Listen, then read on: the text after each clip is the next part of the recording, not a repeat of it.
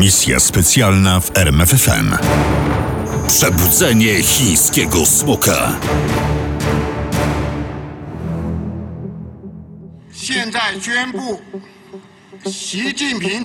Ogłaszam, że towarzysz Xi Jinping został wybrany prezydentem Chińskiej Republiki Ludowej. W olbrzymiej sali chińskiego parlamentu zabrzmiały brawa. Główny bohater przedstawienia, towarzysz Xi, wstał z miejsca i chińskim zwyczajem najpierw pokłonił się prezydium, a potem całemu zgromadzeniu. Już kilka miesięcy wcześniej Xi został szefem partii i przejął kontrolę nad Armią Ludową. Teraz, w czwartek 14 marca 2013 roku, długi marsz Xi Jinpinga po pełną władzę dobiegał końca. Mógł czuć się mocny. Poparło go 2952 delegatów. Tylko jeden był przeciw, a trzech wstrzymało się od głosu. A potem przyszedł czas na przemówienie. Nowy prezydent mówił długo i poruszył kilka spraw, jednak główną myśl całego przemówienia można streścić jednym zdaniem. Zdaniem, które wypowiedział sam Xi Jinping. Niech Chiny znów będą wielkie. Kim zatem był nowy, ambitny przywódca Chin? Urodził się w czerwcu 1953 roku. Był synem wicepremiera w rządzie Mao Tse-tunga. Dorastał w przepychu pekińskiej dzielnicy rządowej. A potem przyszła rewolucja kulturalna i ojciec Shi Zon-hun trafił do więzienia. A on, Xi Jinping, jak sam twierdził, narodził się na nowo. Narodziny miał jednak gorzki posmak nędzy chińskiej prowincji. Mao postanowił mnie reedukować, co w praktyce oznaczało odcięcie od rzetelnej wiedzy i wyrzucenie ze szkoły, dlatego postanowiłem kształcić się sam. Ale żeby to robić, musiałem kraść książki z pozamykanych bibliotek. Z pomocą przyjaciół ojca wrócił do Pekinu i dostał się na uniwersytet. Tak zaczęła się droga Xi Jinpinga na szczyt. Wybór na przewodniczącego, czy jak mówią zachodnie media, na prezydenta Chińskiej Republiki Ludowej nie byłby najmniej zwieńczeniem tej drogi.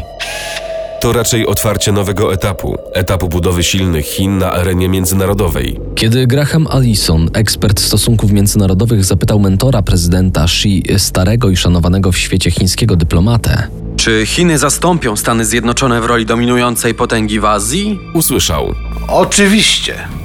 Najpierw Chiny zostaną potęgą w Azji, a po jakimś czasie również na świecie. można by te słowa zignorować, gdyby nie fakty, które za nimi stoją. Przede wszystkim prezydent Xi marzy o renesansie tzw. Wielkich Chin, co w praktyce oznacza powrót pod pełną kontrolę Pekinu, między innymi Tybetu, Hongkongu i Tajwanu.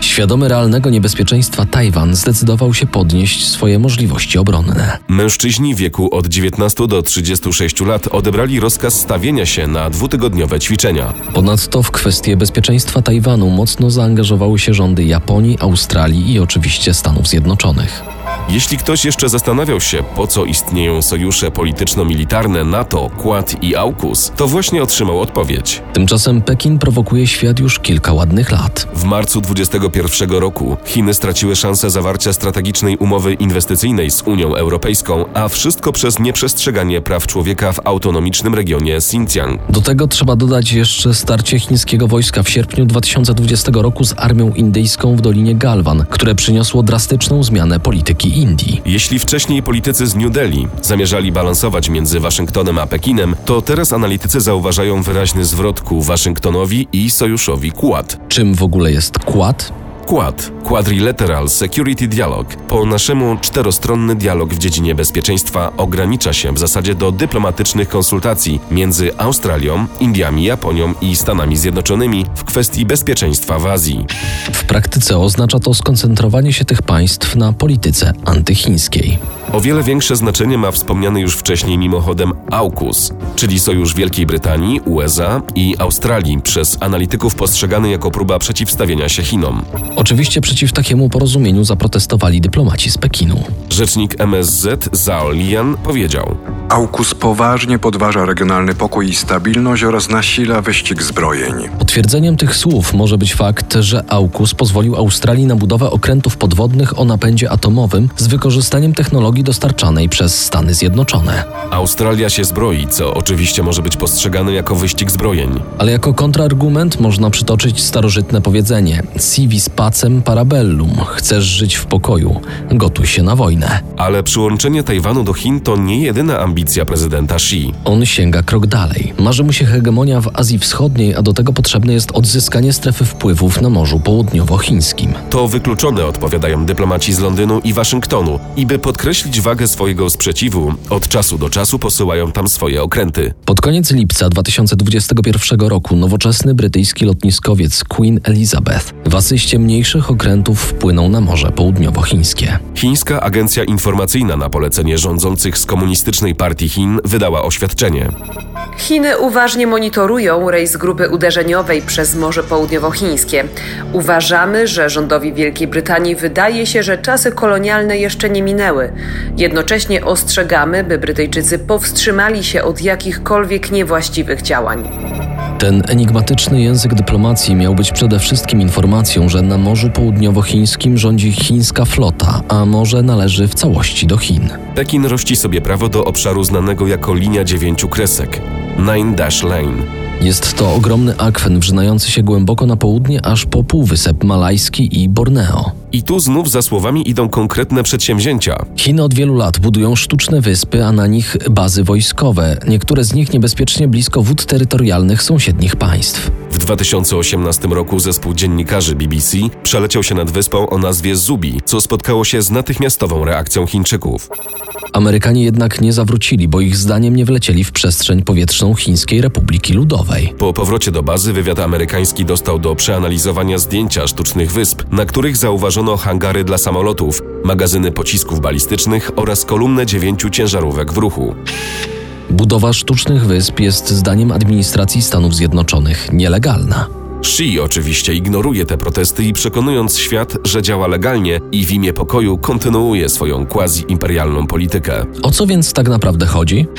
Jak zwykle o pieniądze, na razie wirtualne, czy może lepiej hipotetyczne. Prawdopodobnie wokół wysp znajdują się bogate złoża surowców naturalnych. Problem polega na tym, że na razie nie przeprowadzono żadnych szczegółowych badań tego obszaru, natomiast szacunki, którymi operują chińscy ministrowie, są w dużej mierze oparte na bogactwie sąsiednich obszarów.